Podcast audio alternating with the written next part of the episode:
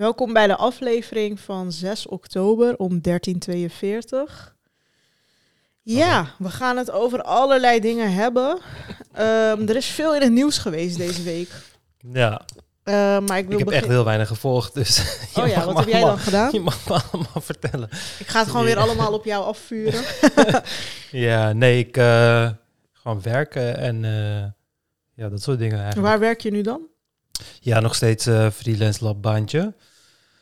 Dus ik was daarmee bezig en ik had een paar afspraken voor ehm, om te kijken wat ik met het wormproject zou doen. Maar de- al die mogelijkheden waren in Rotterdam en ik haat Rotterdam. Ik heb echt iets ergs. Ja, jij hebt iets tegen Rotterdam. Wat ja, is dat echt nou? enorm. Ik ben in mijn leven waarschijnlijk vier keer in Rotterdam geweest. waarschijnlijk Maar het is toch best een mooie stad? Als Nee, ik het vind is ook gewoon... Rotterdam is gewoon...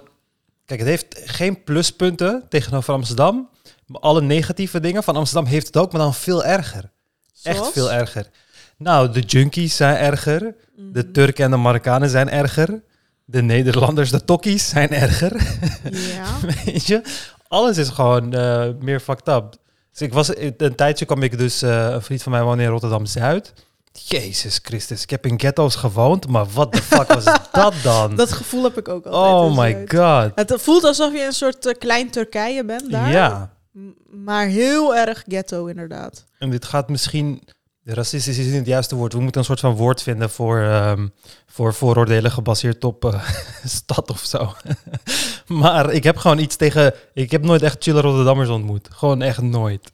Nooit Dus, chille eh, Rotterdammers ontmoet. Ja, waarschijnlijk vast wel. Maar ik weet het niet. Alle Rotterdammers die ik in mijn hoofd naar voren kan brengen, is dit echt veel mensen gaan zich aangesproken voelen. Sorry daarvoor. Je mag hetzelfde ook zeggen over Amsterdammers. Ik vind het niet erg. Maar in mijn ervaring was het gewoon zo. Dus ik heb gewoon. En ik heb niks met voetballen. Ik heb ook niks met Feyenoord, Ajax of weet ik veel wat. Mhm. Tri- de tribalism. Er is altijd een soort rivaliteit tussen Amsterdam en Rotterdam. Ja, maar ik voel die rivaliteit helemaal niet. Sowieso omdat wij echt ver Nou ja, boven Rotterdam zitten. je, Nee. je voelt hem wel, want je haat die stad.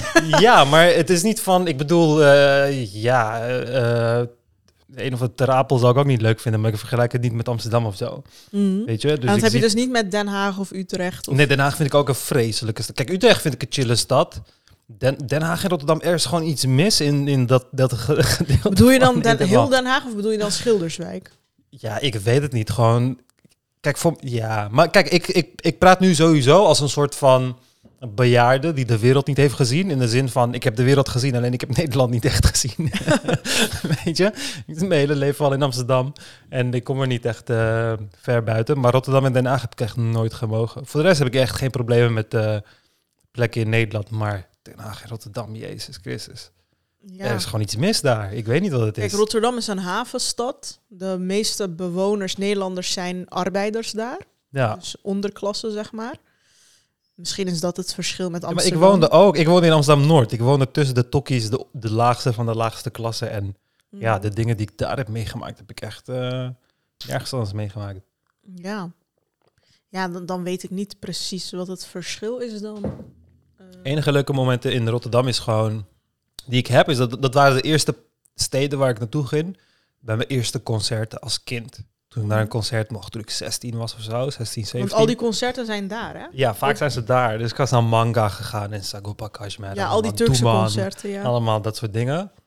Die kwamen altijd daar, dat was wel leuk. Maar voor de rest, alle mensen die ik daar heb ontmoet, Jezus Christus. E- Echt slecht. Je weet dat Rotterdammers fucking nationalistisch zijn. Of tenminste, Ja, heb je dan een woord voor als je heel erg van je stad houdt? Nationalistisch is, slaat op land. ja misschien maar. tribalistisch of zo, ik weet het niet. Ja, ik weet niet. Ze houden in ieder geval heel erg van hun stad en van hun Rotterdamse afkomst. Ja, maar waarom? Wat er is daar niks. Het is zo raar. En dan ook nog die rivaliteit met Amsterdam, dat ik denk van, hè, maar we zijn niet op dezelfde level, grap. Ja, maar ik merk het ook aan Turken die uit Rotterdam komen. Zoals Ja. Fidan Ikiz, die is heel erg trots dat ze Rotterdammer is. Ja, Ze hebben ook altijd zo'n...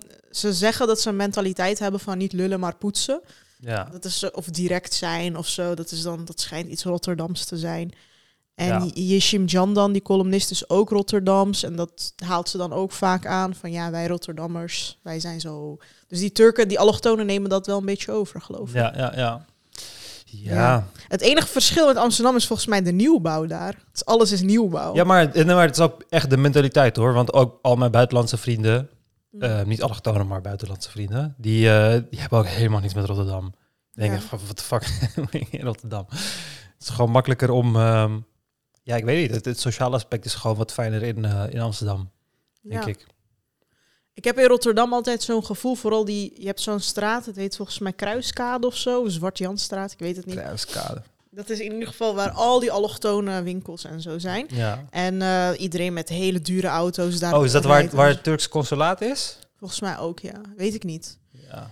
In ieder geval heel veel Turkse Marokkaanse winkels, heel veel dure auto's, heel veel mensen die showen, heel veel Selma Omaris, laat ik het zo zeggen. Ja. En ehm, ik heb altijd daar het gevoel dat ik 15 jaar terug in de tijd zit of zo. ja. ja, ja, precies. zoiets. Ik weet niet, ik kan het niet echt beschrijven. Oh. Ja, ja Maar ik weet het niet. Maar dat, dat van die Amsterdam-ding heb je ook. Amsterdammers hebben dat ook. Dat is dan... Ja, ik heb het waarschijnlijk ook. Maar ik weet niet, ik heb het niet zo toxic, denk ik. Ik heb op zich- best wel gemene dingen gezegd net, maar goed. Amsterdammers worden vaak gezien als links, eh, irritant, Nou, ik weet, ik arrogant. weet niet of ze links zijn. Ik weet het niet. Zo, dat is een beetje de. Ik weet niet of de irritante Amsterdammers links zijn. Ehm, het is deze week heel veel gegaan over Iran. Ja. Heb je dat een beetje gevolgd? Ja. Ja, ik heb het wel Doet het gevolgd. iets met je? Of, of oh, denk ja, je van... man. Ik heb, ja, echt, echt raar dat ik dat ga zeggen, maar ik heb letterlijk, laat maar, maar, nee, maar het doet, me, het doet me echt veel pijn, man. Wanneer ik, kijk, ik probeer er ook een beetje afstand van te houden, want het, fokt gewoon met mijn mindstate. Mhm. En ehm, dat soort shit brengt gewoon best wel veel emotie in mij los.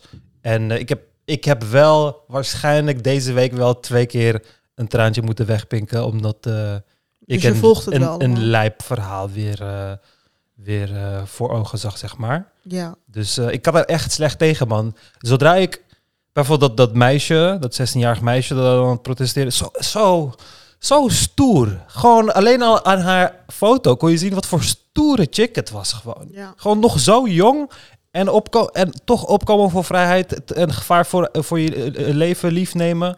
En dan, en dan, en dan wordt ze gewoon, ja, is gewoon verdwenen. En dan krijg je een lijk gepresenteerd een paar dagen later. Ja. Weet je, en het is gewoon fucking pijnlijk.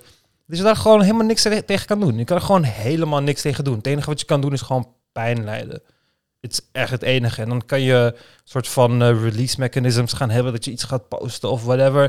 Maar uiteindelijk, ja, kun je gewoon heel weinig doen. ja, maar ik weet nog dat wij... Dat heb je nog niet gepublished, die af... Oh, mijn voordeur gaat, sorry. Oh, ja, die vrouw. Ik ben zo terug. Maar je laat het gewoon, eh, je hebt gewoon Turks vragen gevonden die Turks voor je koken. Ja, als ik bezoekers krijg, dan laat ik haar gewoon koken. Voor geld, ze heeft het ook nodig. Ze is gescheiden van haar man. En... Maar goed. Ja. Oei, oh, echt slechte onderbreking in jouw verhaal. Oké, knip dit er gewoon uit. ja. Nou.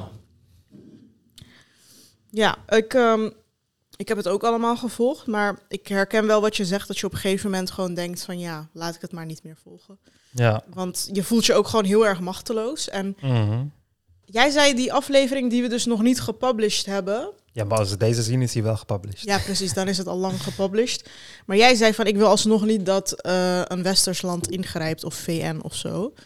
Nee. Maar bijvoorbeeld Niusha, die een eh, kijker van ons is, een trouwe kijker. En die ook eh, hopelijk volgende week eh, te gast is bij ons. Dat is een Iraanse vrouw. En zij heeft een Ja. video gedeeld waarin ze de VN oproept om in te grijpen.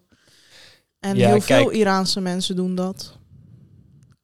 Iraanse mensen hun mening over wat er moet gebeuren met Iran, dat staat sowieso boven mijn mening. Dat eh vooropgesteld. Maar in mijn hoofd is het gewoon zo dat ehm, er over het algemeen niks goeds is gekomen bij invallen in het Midden-Oosten. Maar is dit dan wel En- goed, zeg maar, hoe het nu gaat? Ja, ik weet het, maar dat is, daarom, daarom is het heel lastig. Want kijk, uiteindelijk wil je ook niet dat het land nu vier jaar in oorlog raakt en dan je vier jaar lang kinderen krijgt die in een oorlog zijn geboren en met alle gevolgen van dien. Weet je, de schade die dat allemaal aandoet, dat duurt echt generaties om, om, om te genezen. Hetzelfde met de schade die er nu eh, gebeurt. Alleen ik heb, ik heb, kijk, als het op een eerlijke manier zou gebeuren, vind ik dat helemaal prima. Alleen het probleem is dat er heel veel de wereld bestaat uit opportunisme. En mensen gaan, de regeringen gaan nou eenmaal eh, proberen om Iran op zo'n manier te redden. Dat er uiteindelijk ook voor het Westen zoveel mogelijk te halen valt. Hmm. Weet je, dat er pu- puppets worden neergezet zodat ze olie of whatever Heeft Iran andere... olie trouwens? Ja, Wel, om whatever grondstoffen die ze hebben, om het gewoon voor heel goedkoop mogelijk te maken. Dat, dat, dat, dat, dat is wat we hebben gedaan met Afrika, dat is wat we hebben gedaan met het Midden-Oosten. Daarom vind ik het dat zo lastig. Want kijk, het hele idee van, ja, ze gaan binnenvallen en dan, ja, dan jagen ze die mensen weg of ze arresteren die mensen en dan, gaan we een, en dan gaan ze gewoon weer weg en dan hebben wij een democratie. Dat gebeurt gewoon nooit. Hmm. En ja, dat is, dat is het jammere ervan. Want als er geholpen wordt, dan moet daar iets voor, ja, dan moet men daar iets voor terugkrijgen. En vaak is dat gewoon eh, ja, macht. Dus eh, ik vind het jammer dat die, die, eh, die geopolitiek er dan bij komt spelen. Amnesty International had er ook een bericht over, maar ik weet niet precies wat Amnesty precies kan doen. Wat ik dus een veel betere optie zou vinden, is gewoon dat Amerika of whatever land gewoon een team stuurt van eh, 10, 20 mensen. Gewoon net als in de films. 10, 20 mensen. Die dan gewoon ergens op een rooftop met een sniper gaan staan. Wachten tot die, tot die, Khomeini. ja, tot die Khomeini gewoon ergens zijn hoofd opsteekt. En dan gewoon een kogel door zijn kop. Weet je, en laat de mensen de rest doen. Maar ehm, ja, verder dan dat, ja. Kijk, als iemand gaat doen, gaat het Amerika zijn. En Amerika moet daar gewoon helemaal niet aan komen.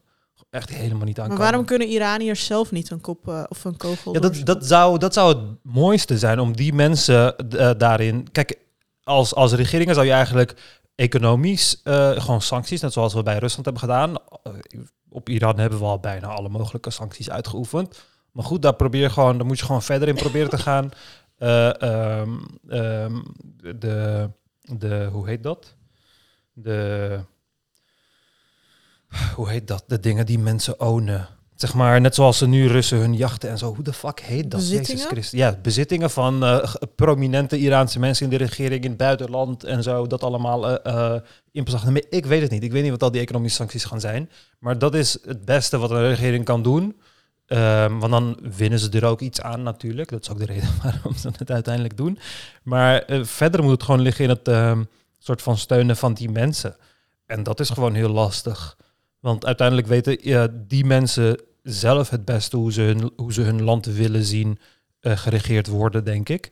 En ehm, ja, die, die kans moeten die, die keuzes moeten zij maken, maar die kans moeten ze wel, ze moeten wel geholpen worden om die, die, die eh, keuze te kunnen maken.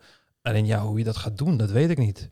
Dat weet ik niet. Daarom, dat, dat is heel lastig altijd. Dat is met die Oekraïne-kwestie ook zo. Ik bedoel, ja, we kunnen sancties, dit en dat. We kunnen ook landen binnen gaan vallen. Maar wat is uiteindelijk de beste optie? Dat is gewoon heel erg onduidelijk. Want uiteindelijk leidt alles gewoon tot heel veel pijn en leed.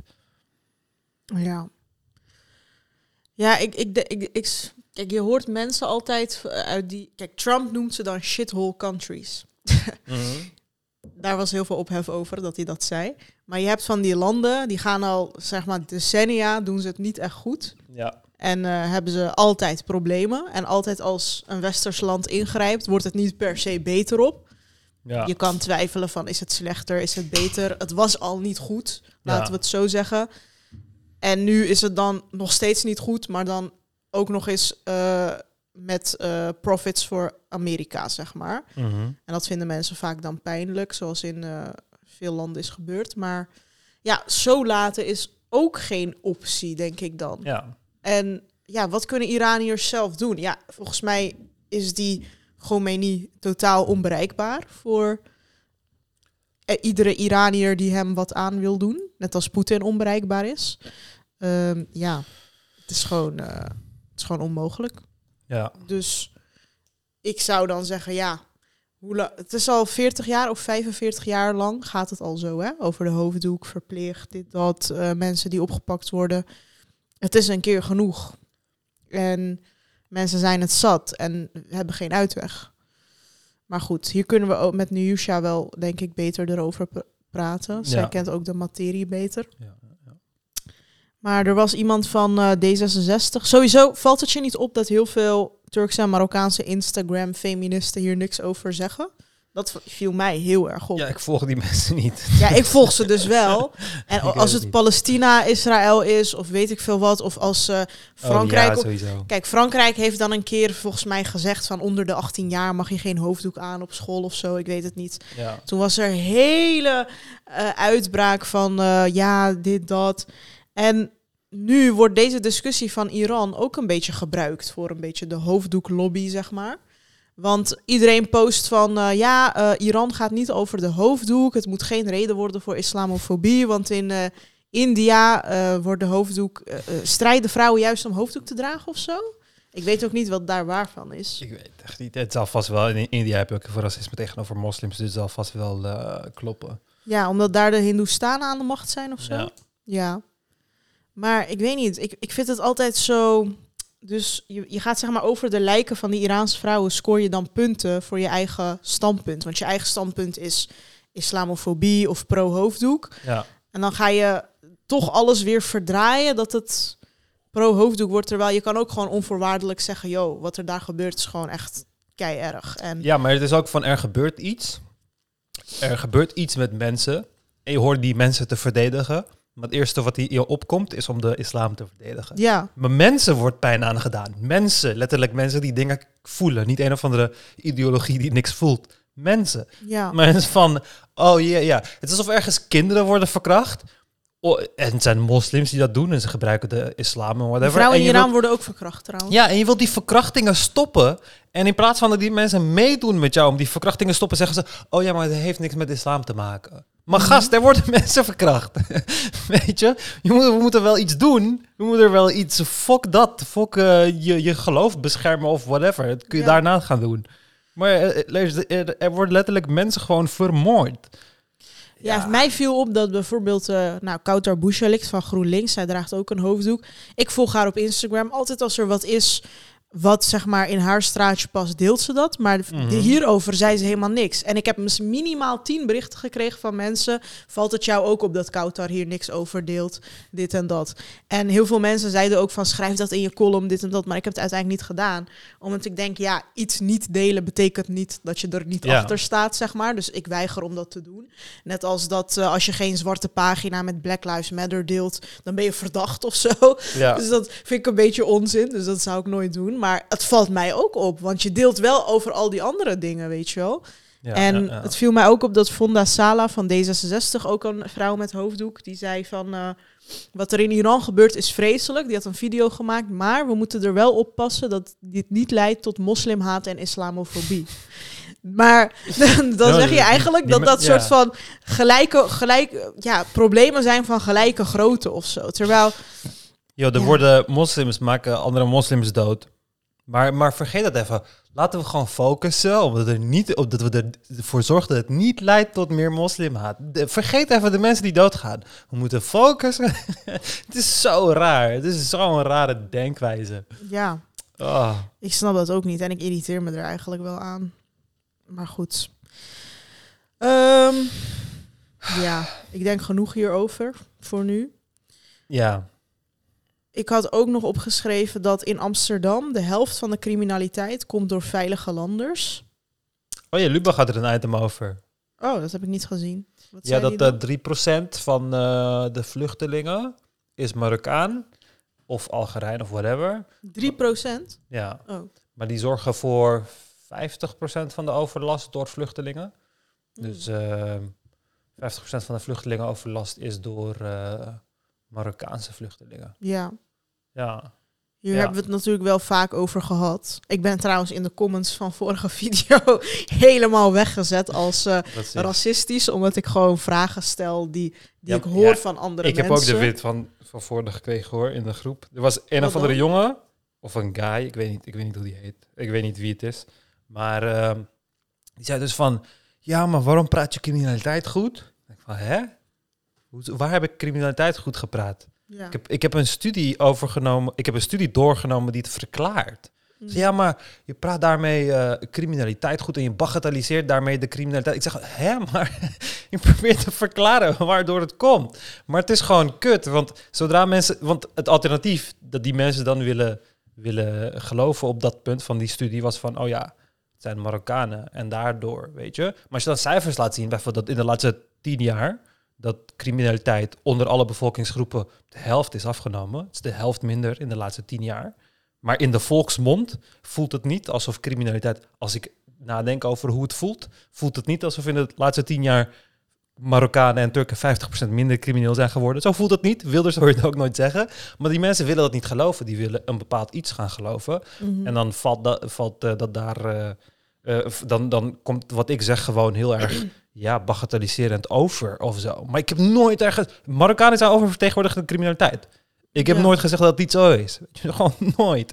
Maar die guy maar hoe bleef er maar verklaar op jij dat die 3% verantwoordelijk is voor de helft van de criminaliteit en Ja, dat dus- toevallig weer Marokkanen zijn? Wat ik dus mooi vond bij Lubach is dat hij, eh, want eh, vooral omdat het veilige landers zijn, Mhm. want daar ging hij dat ook heel mooi uitpluizen. Wat een heel mooi interview daar vond ik dus dat ze bij een asielzoekerscentrum een asielzoeker gingen interviewen en die dan ging klagen over Marokkanen. Die zei van ja, die Marokkanen moet je gewoon terugsturen naar hun eigen land. Echt? ja, Jeetje. gewoon een asielzoeker. Maar het komt dus voornamelijk omdat het veilige landers zijn. En ehm, Marokko en Nederland hebben nu dus blijkbaar een deal waarbij eh, eh, Nederland wel Marokkanen terug kan sturen die uitgeprocedeerd zijn hier.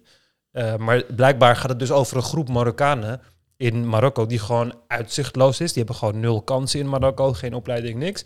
En die zwerven dan gewoon in Europa rond, van land naar land naar land naar land. En ja, die moet je gewoon hard aanpakken en het land uitgooien. Precies wat we nu gaan doen. Dat is helemaal prima. Dat gaat nu ook gebeuren. Ja, dus blijkbaar heeft Nederland nu een deal met Marokko. En eh, wat Nederland dan als, ehm, als ehm, tegen, hoe heet zoiets? Zeg maar, ja, zeg maar, dus wij, dus Marokko gaat die Ma- Marokkanen die we naar hun sturen weer opnemen. En, en wij gaan, de, Mar- de Nederlandse regering gaat minder klagen over mensenrechten schennissen in, eh, in schendingen in eh, Marokko. Dat is blijkbaar de Oh. deal. ja. ja. Ik weet Chill- niet of dat een goede chille deal hè? ja. Echt een chille Maar deal. welke Nederlanders klaagden daarover dan? Ja, maar blijkbaar, eh, dat zei Lubach dus ook, en blijkbaar was het wel opvallend de laatste, laatste jaren dat Nederland vrij stil was wanneer het kwam op ehm, problemen mens- met mensenrechten in Marokko. Ik weet dat niet. Ik Daar is nooit ophef over. Nederland is wel heel veel bezig met Turkije, maar nooit met Marokko. Ja, dus- Marokko dus- is dus- gewoon al decennia is dat een Ja, monarchie. Dus het idee was ook dat het al eerder besproken is, dat het al een tijdje loopt. En ehm, dat Nederland daarom al de laatste jaren een beetje hush-hush deed over de problemen met Marokko. Ik weet niet of dat daarvan waar is, maar goed. Hmm. Dus eh, ja, ik weet niet of het een hele goede deal is, maar voor mij is het ehm, helemaal eh, top. Kijk, ik heb daar nul probleem. Ik heb echt nul problemen mee, eh, mee met asielzoekers die problemen veroorzaken. Gewoon een land uitgooien. Daar heb ik echt nul problemen mee. Ik zal nooit zoiets gaan verdedigen. Maar mij gaat het voornamelijk over, oh, ja, alle asielzoekers en dat soort dingen. Maar ben jij voor eh, etnisch profileren bijvoorbeeld? nee. Nee? Nee. Dus je mag niet bijvoorbeeld als je een eh, twintiger Nee, Marokkaanse kijk, als, uiterlijk... als Marokkanen, kijk, als nu 50% van die overlast veroorzaakt wordt door Marokkanen, het verkeerde wat, wat, je, wat om te doen zou zijn om alle Marokkanen gewoon eh, te scotten, als het te, gelijk het land uit te zetten bijvoorbeeld.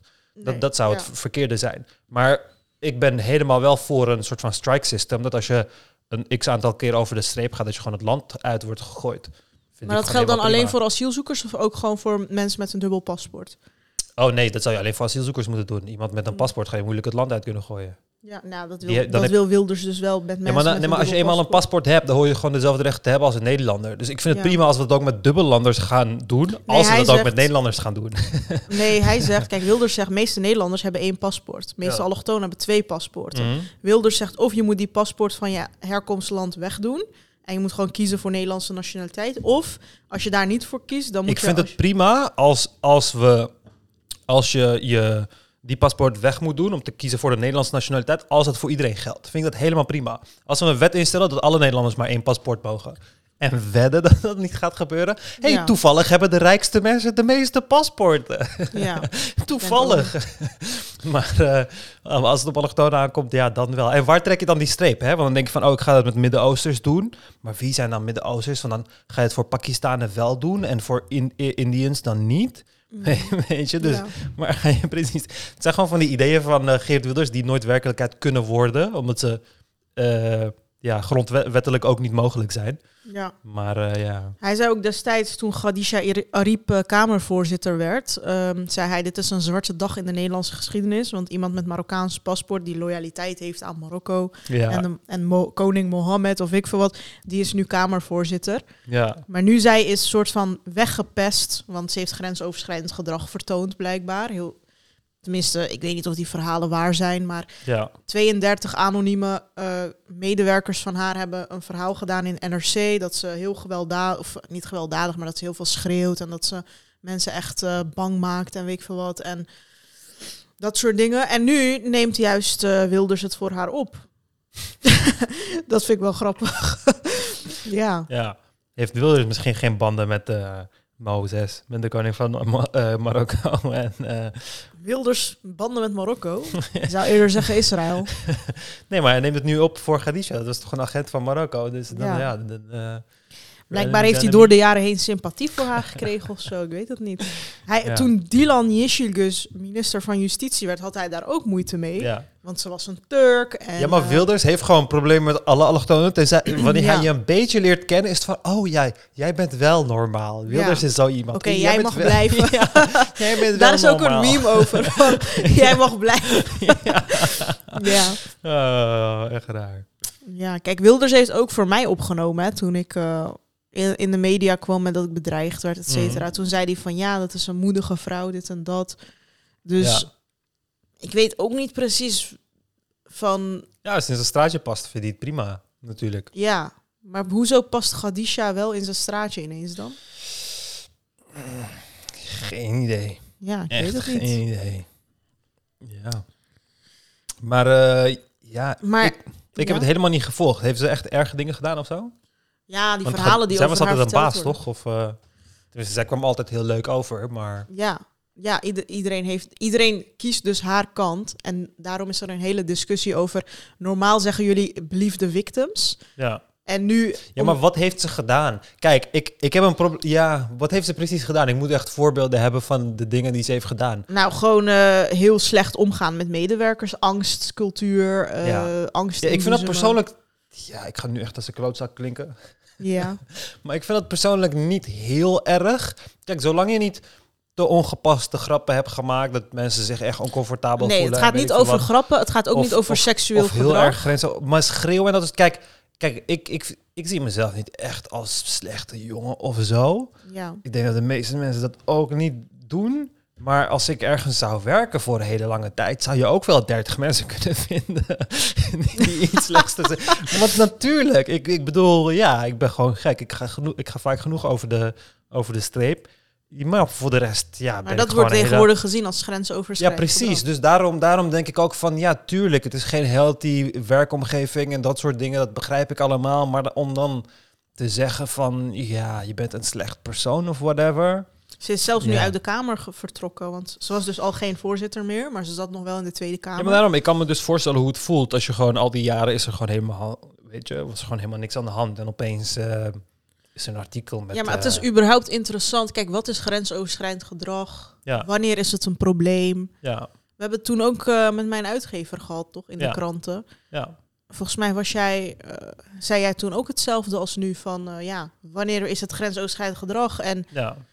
eh, moet je dan niet gewoon weggaan of moet je er in de media over klagen? Wat... Kijk, ik trek echt een streep bij, bij seksueel grensoverschrijdend gedrag. Ja, ik ook. En dat zelfs bij ongepaste grappen. Hè. Als je gewoon oud bent en je gaat gewoon vieze grappen maken met jonge mensen, tegen jonge mensen, ja, dan mag je van mij gewoon opflikkeren. Maar ze zeggen het nu ook over Matthijs van Nieuwkerk trouwens.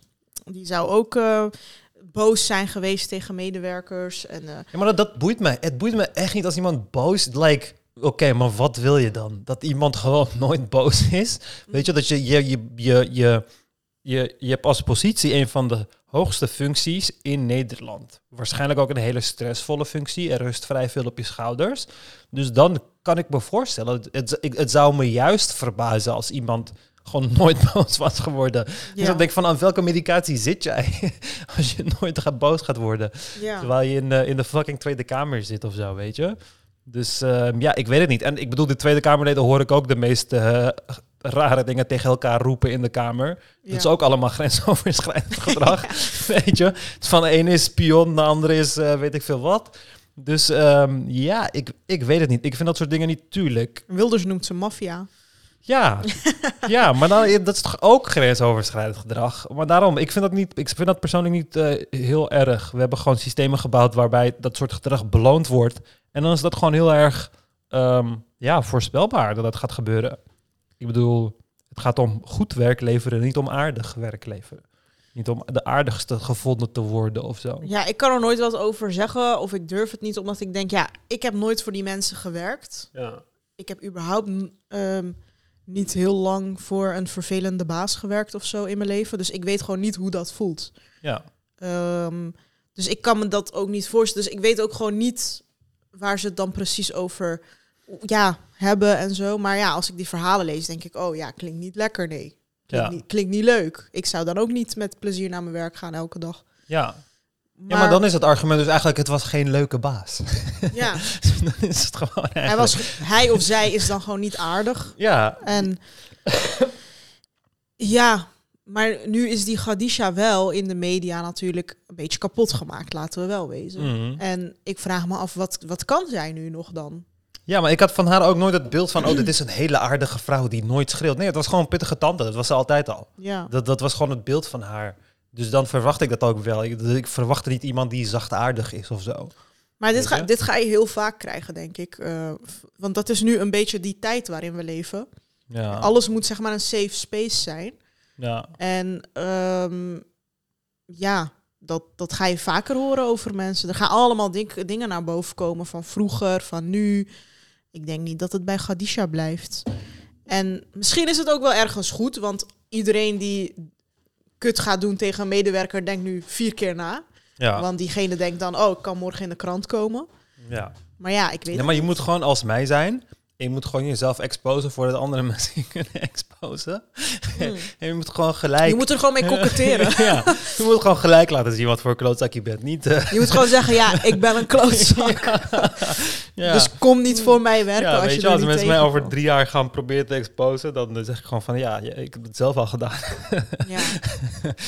Maar eh, Dat is altijd een goede zet. Je, na, je, je, je slechte Ja. karaktereigenschappen. ja, is net als als iemand als eh, collega's van Hans Steeuwen eh, zeggen van ja, hij is echt een klootzak. Ja, het is Hans Steeuwen. Toch? Wat dacht je? Dacht je, hij gaat met je picknicken als bedrijfsuitje of zo? Nee, het is gewoon fucking Hans Steeuwen. Hij gaat je moeder uitschelden. Ja. Ja, kijk, toen mijn boek uitkwam had Gadisha mij een appje gestuurd. Ik heb er nooit op gereageerd, zag ik. Dat is ook echt gemeen van mij. Maar dat is eh, omdat ik in die tijd heel veel appjes kreeg en zo. Ja. En ja, ik was er gewoon even klaar mee. Maar zij had toen eh, een heel lief berichtje gestuurd van... eh, ik ben er voor je als je wat nodig hebt, bla bla. En nu dacht ik van ja, zal ik een appje terugsturen? Want nu is ook, eh, ja, wordt ze ook overal gevuurd. Dus Stuur er gewoon terug, ik ben er voor je. ja. ja. Ja. ik vind het wel eh, jammer. Ik vond haar ook een uh, Nee, sympathieke kom, maar, kom, kom nog gedraaid op de podcast. Ja, dan kan ze hier komen. verhaal doen. zou nooit komen. Nee. Ja, weer die exclusive. Ik geef er gewoon een paar jointjes, komt helemaal los, gaat ze alles vertellen. Ja, misschien wel. Kijk, die Eh. Gundogan was natuurlijk een tijdje terug ook... maar dat was seksueel grensoverschrijdend gedrag. Ja, Maar zij zit nu wel gewoon in de kamer met haar eigen partij. ja. Ze heet volgens mij Groep Gundogan of zo. Wat had zij nog precies gedaan ook alweer? Seksueel gebied? had, eh, als ze dronken was, ging ze mensen op de kont slaan, mensen zoenen, Oh, ja. dat soort dingen. ja. Ja, dat moet je niet doen. Nee, ze moest met de taxi afgevoerd worden. Ja, ging, alcoholprobleem is echt een probleem. Ja. Ja, daar, jongen, ik, ik zie mijzelf, als ik alcohol lekker vond, zie ik mijzelf echt zo'n alcoholprobleem hebben. Echt? Ja. Maar jij Als- drinkt toch niet zoveel? Ja, maar daarom, als ik het lekker vond, als ik het gevoel lekker vond, Oh, ik kan mezelf wel inbeelden als iemand die zo'n alcoholprobleem heeft. maar je hebt ook lekkere alcohol, hè? Heb je wel alles geprobeerd?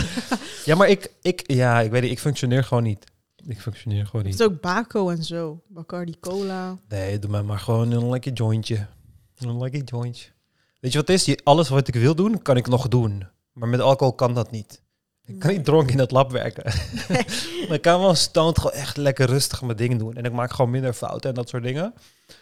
Maar eh, dat is ook wel niet. bijzonder hoor. Heel veel mensen kunnen ook stoned niks doen. Oh ja, maar heel veel mensen, het verschil tussen mijn stand en mensen in stand is natuurlijk een wereld van verschil. Ja. Ik bedoel, aan mij eh, zie je dat nooit. Natuurlijk. Ja.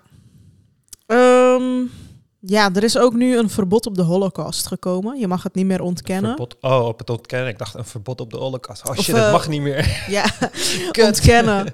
Kut, nu mag het niet meer. En geen nazi-vlagsymbolen en zo. Ja. Ja, Wat vond je ervan dat de hele kamer was weggegaan toen Baudet zijn eh, speech gaf over spionnen en zo? echt mooi. Ik miste alleen nog een schoen tegen zijn hoofd. Dat doen de Midden-Oosten mensen wel Oh. beter. Ja, heel veel mensen hadden er juist Is goed. kritiek op. Schoen tegen zijn hoofd. Ja, maar er moet gewoon wetgeving komen daarvoor. Het is toch raar. Het is toch Maar het is een volksvertegenwoordiger, dus je moet zijn verhaal Ah, aanhoren. Jezus. Fucking volksvertegenwoordiger. Deze shit gaat ons zo erg in onze ass bijten nog. Het is, het is internet. Er gaan partijen komen die echt binnen drie weken opeens fucking veel zetels gaan krijgen en whatever. Het gaat de hele tijd gebeuren. Ja. Het is allemaal gewoon heel erg Dus reactionary. jij bent eigenlijk niet zo democratisch. Daar was ik natuurlijk al achter. Dat ik niet zo democratisch ben. Hoezo? Hoezo ben ik niet Ja, zo hij democratisch? is een volksvertegenwoordiger, hij heeft recht op zijn verhaal. Ja, maar fuck dat. Eh, Geloof me, niemand is democratisch. Oké, want als, als nu een of andere. Als er genoeg mensen waren die zouden stemmen. Eh, voor een, een of andere partij die islamitisch is. en die de sharia hier wil starten of whatever. Niemand zou zeggen: ja, maar is democratie. Ja, maar dat is tegen Maar de democratie. Oké, fuck de sharia dan. Extreem islamitische organisatie. Ze willen een Shariaanse democratie starten. Ze willen gewoon binnen de Nederlandse wet... Oké, eh, gewoon iets. Maar gewoon iets waar jij iets gewoon waarvan jij weet van dit is iedereen. We zijn het gewoon unaniem over eens. Oké, fuck moslims even. Een platte aarde partij. Oké? ja. We zijn het allemaal unaniem over eens. Dit is onzin. Ze willen een platte aarde school starten. En ze, ze, ze- hun, hun volgelingen die staan voor de deuren van leiders van andere politieke partijen. De helft van je fucking bevolking wordt bedolven onder de meest idiote conspiracy theories. De overheid heeft zijn handen vol met het bestrijden van de onzin die deze mensen verspreiden. En het is van ja, maar het is democratie. Want mensen hebben ervoor gekozen. Fuck dat, vriend.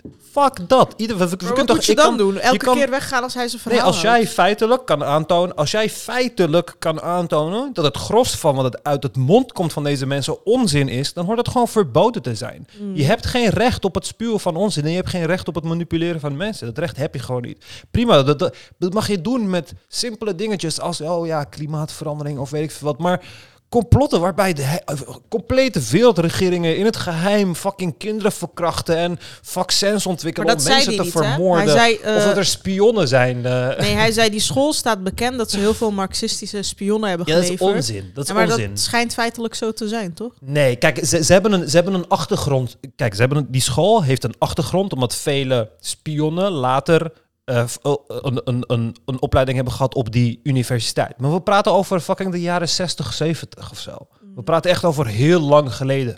Weet je, er zijn.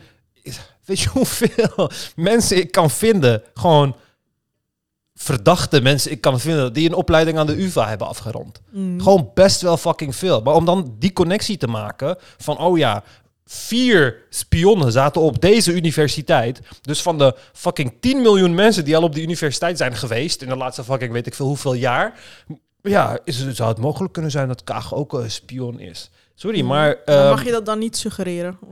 ik denk dat het best wel. Ik denk, ja, ik, ik weet niet wat het voordeel is van ehm, iemand de vrijheid bieden om leugens te verzinnen over andere staatshoofden. Want anders, als dat, als dat de realiteit is waar we naartoe willen gaan, dan gaan de Tweede Kamer debatten gaan alleen maar over van. ehm, ja, Rutte is pedofiel. Oh ja, Wilders, jij zegt wel dat ik pedofiel ben, maar iedereen weet dat jij necrofiel bent. Hé, hey, eh, Kaag, wat zit jij daar te lachen? We weten allemaal dat jij eh, geiten Ja. neukt. Weet je, wat- Dus het wordt een poppenkast. ja, maar het is gewoon bullshit. Want je mag gewoon roepen wat de fuck je wilt. Terwijl iedereen weet dat het onzin is. Behalve je idiote achterban. Je fucking idiote achterban. En dan ga je... Kijk, iedereen die een beetje de Amerikaanse politiek volgt... weet ook waar het naartoe gaat. Want je hebt daar gewoon mensen in het senaat... die in fucking QAnon geloven. Of die geloven dat de dag des oordeels komt eraan... en dan Jezus komt uit de lucht... en weet ik veel wat allemaal hele extreme dingen. Maar dat heb je in elk parlement. Erdogan verkondigt toch ook fictie uit de Koran of ik veel wat. Dat is ook feitelijk niet correct. Ja, precies. Nou, maar uiteindelijk wil je, als in Nederland hebben wij, zijn wij uiteindelijk ergens naartoe gekomen, zijn wij ontwikkeld, waarbij we boven die landen stonden. We stonden boven landen als Amerika. We lachten die mensen uit, terwijl we nu partijen hebben die fucking gelijk staan aan de dingen die in Gelukkig Amerika is het maar gebeuren. één minuscule partij, hè? Ja, maar eh, het probleem is dat het, dat het best wel uit de hand is gelopen. Want het is eerst FVD, toen heb je ongehoord Nederland gehad. Je hebt fucking de idiote platformen als de andere krant en Café Weltschmerz en Black Box. En je hebt duizenden van die partijen. En die Ja. hebben tij- tijdens de pandemie hebben ze gewoon enorm veel mensen gewerfd. Dat zijn allemaal onstabiele mensen. Het zijn mensen die in dat soort dingen geloven, zijn per definitie onstabiele mensen. Je ziet overal een complot in. Je bent niet gezond. Je bent Ja. gewoon niet gezond. Weet je, en dat ga je ook, dat ga je, dat gaat alleen maar uit de klauwen groeien. En dan, ja, wat, Maar als wat de je, ga je dan als je doen? hem de mond snoert, gaan al die mensen zeggen: zie je wel, eh, wij mogen ons verhaal niet. Wat is dit voor Nee, democratie? maar je hoort, hem, je hoort hem de mond te snoeren door letterlijk een rapport van fucking 500 pagina's met elke onzin die hij ooit heeft gespuwd van het begin van zijn carrière tot nu te publiceren en dat dan in te dienen als, als de reden om hem te doen eh, aftreden in principe. Dat is gewoon wat er moet... Ja, maar sorry, je bent aan het liegen. Je mag... Je hoort gewoon niet te mogen liegen. Ik begrijp niet waarom, waarom, we, moeten ver- waarom we iemands recht om te liegen moeten verdedigen. Ja, maar dat wordt dan heel vage grens. Want Het is, niet, het is niet vaag. Caroline van der Plas bijvoorbeeld, die heeft geen complottheorieën, maar zij is dan voor de boeren. Ja. En zij zegt bijvoorbeeld van ja, boeren moeten niet eh, weg en de veestapel moet niet gehalveerd Prima, worden. kijk, ik vind dat soort dingen geen probleem. Kijk, eigenlijk is dat ook dingen roepen zoals klimaatverandering is niet waar.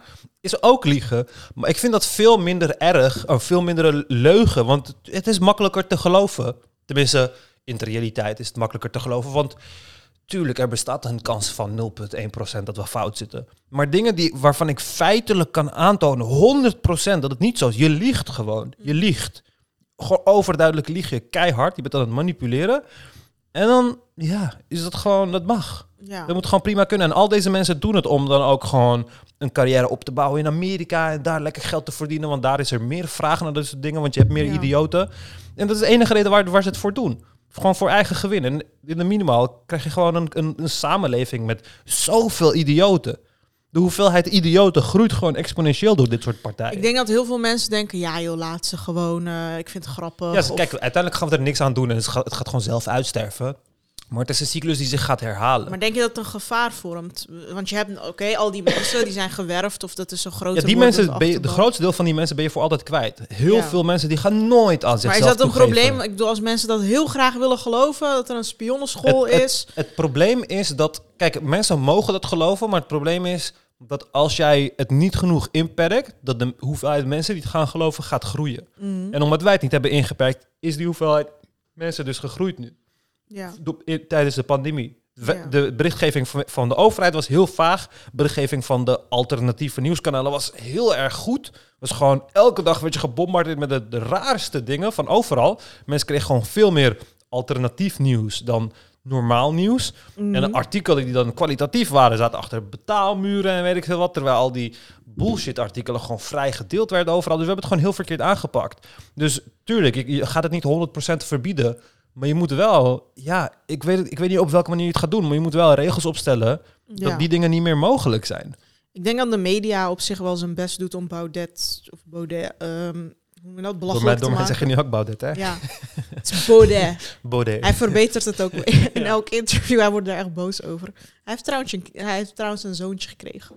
Dus en hij heeft hem Lancelot genoemd. Gewoon, Echt? oh, Oh, dat wist ik nog niet eens. Lancelot. oh, die naam. Maar die naam zegt gewoon van... Wat zegt die Oh, naam dan? Ja, maar... Oh. Ja, maar als je je kind Lancelot noemt, het is zo echt zo van... Oh, kijk hoe, kijk hoe eh, geleerd ik probeer over te komen. Kijk hoe elitair. Mijn kind heet Lancelot, van Sir Lancelot. Ja, dat mag toch. nee, maar gast. Zo zijn die seculiere Ah, Turken toch ook? Hoe zorg je ervoor dat je kind gewoon 100% gewoon een elitaire klootzak wordt? Noem hem gewoon Lancelot. Fucking hey, misschien Lancelot. luistert dat kind dit over 12 Ja, jaar. En denkt hij zo gemeen is Eumer over. Jezus. Geloof me, over, over 12 jaar luistert dat kind alleen maar naar hoe eh, reptilians de aarde overnemen en hoe de, aarde, de maan eigenlijk Hoezo? hol is. En Dat daar aliens in wonen. Dan zouden wij ook nu alleen maar. Koran-imams moeten luisteren of weet ik veel wat. Ja. Je neemt toch niet alles over van je ouders? Ja, maar vaak als je, als, je, als je ouders zeg maar een prominente plek hebben, dan gaan ouders heel erg de druk zetten om hun kind eh, te gebruiken als soort van trofee van kijk, mijn kind is ook zo, mijn kind is ook goed. En dan moet jouw kind in jouw kind wordt dan geforceerd om in jouw vo- voetstappen te treden. Dus eh, Heel veel kinderen van bekende mensen zijn juist eh, helemaal niet zo. ja, dat is eh, wat, ja dat, ze proberen dat, maar wat er dus heel vaak gebeurt is dat... eh, worden dat, juist tegenovergesteld van wat ze willen. Ja. Ik had dus altijd toen ik opgroeide, van eh, als ik vrienden had die dan in een rijke familie geboren wa- waren, dan ehm, waren die ouders altijd teleurgesteld in die kinderen. Ik had Ja. dat een vriend Ik voor zie dat ook nu heel vaak. Want ik, ik ging alleen maar boeken lezen. Op, op- toen ik net leerde lezen, eh, groep twee of drie of zo. Toen ik net leerde lezen, ging, ik- ging ik echt heel veel boeken lezen. En ehm, toen was ik bij hem thuis en zat, een- zat ik een boek te lezen. En hij had nog moeite met lezen. Dus hij le- leest echt heel langzaam en hij had er ook moeite mee. Dus hij had een afspraak gekregen dat hij elke tien pagina's die hij las, kreeg hij, 10, eu- eh, kreeg hij 1 euro van zijn ouders. Dus ik dacht, wow, ik dacht, als ik dat kreeg, dan had ik zoveel geld. En hij kon het niet. Gewoon echt dat hij tien bladzijden gedaan met moeite en dan die, die euro gekregen. En elke keer zag ik dan, als ik bij die mensen thuis was en die ouders zagen dan hoeveel beter ik het deed, dat ze zo bijna...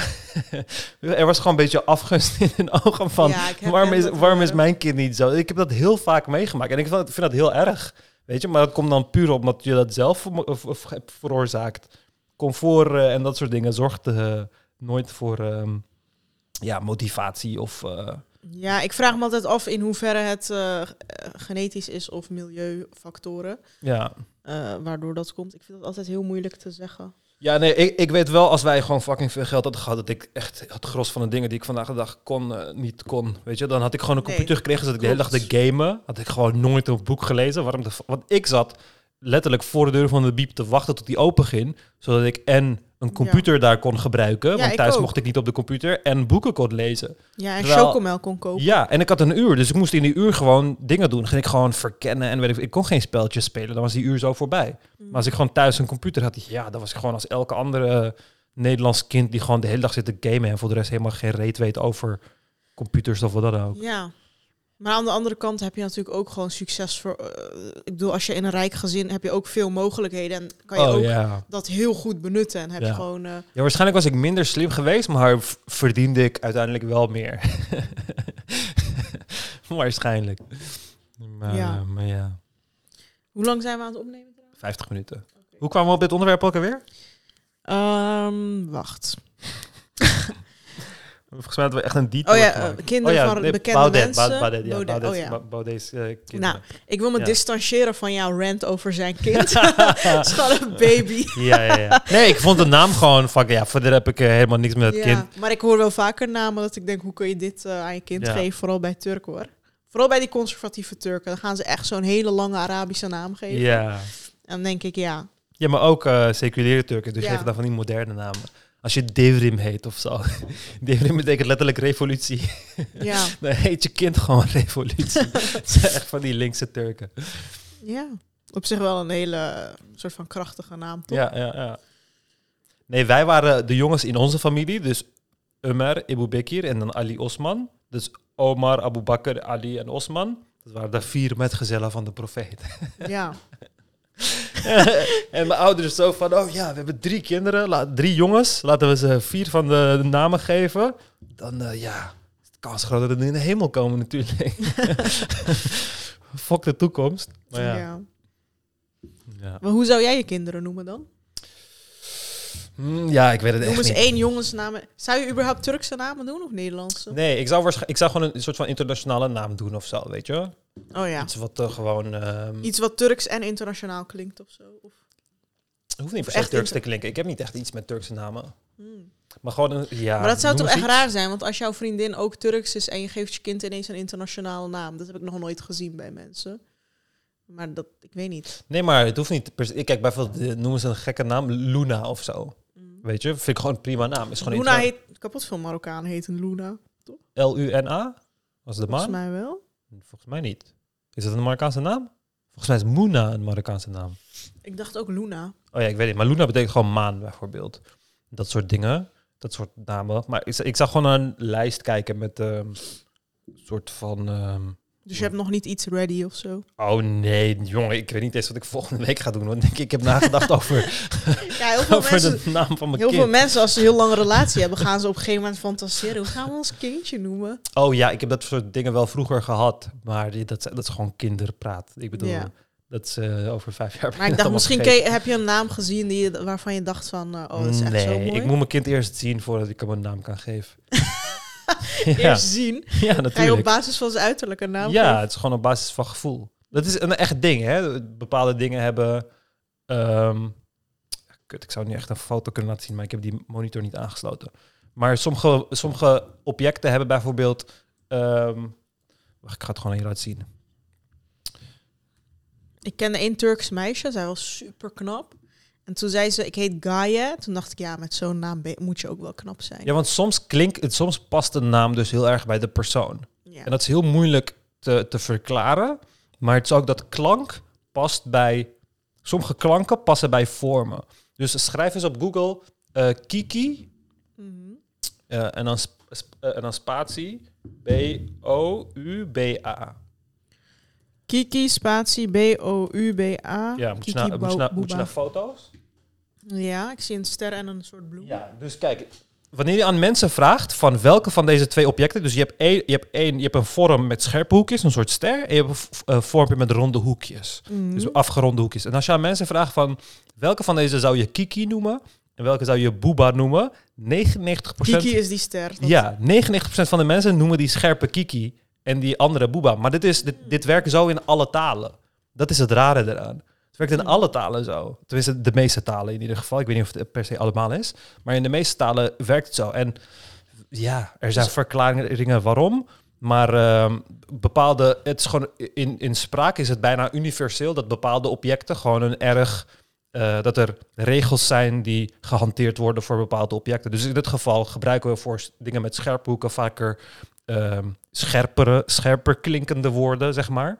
Zoals een kiki, dat klinkt gewoon scherper dan een boeba. Dat klinkt gewoon bolvormiger, wat dikker, wat...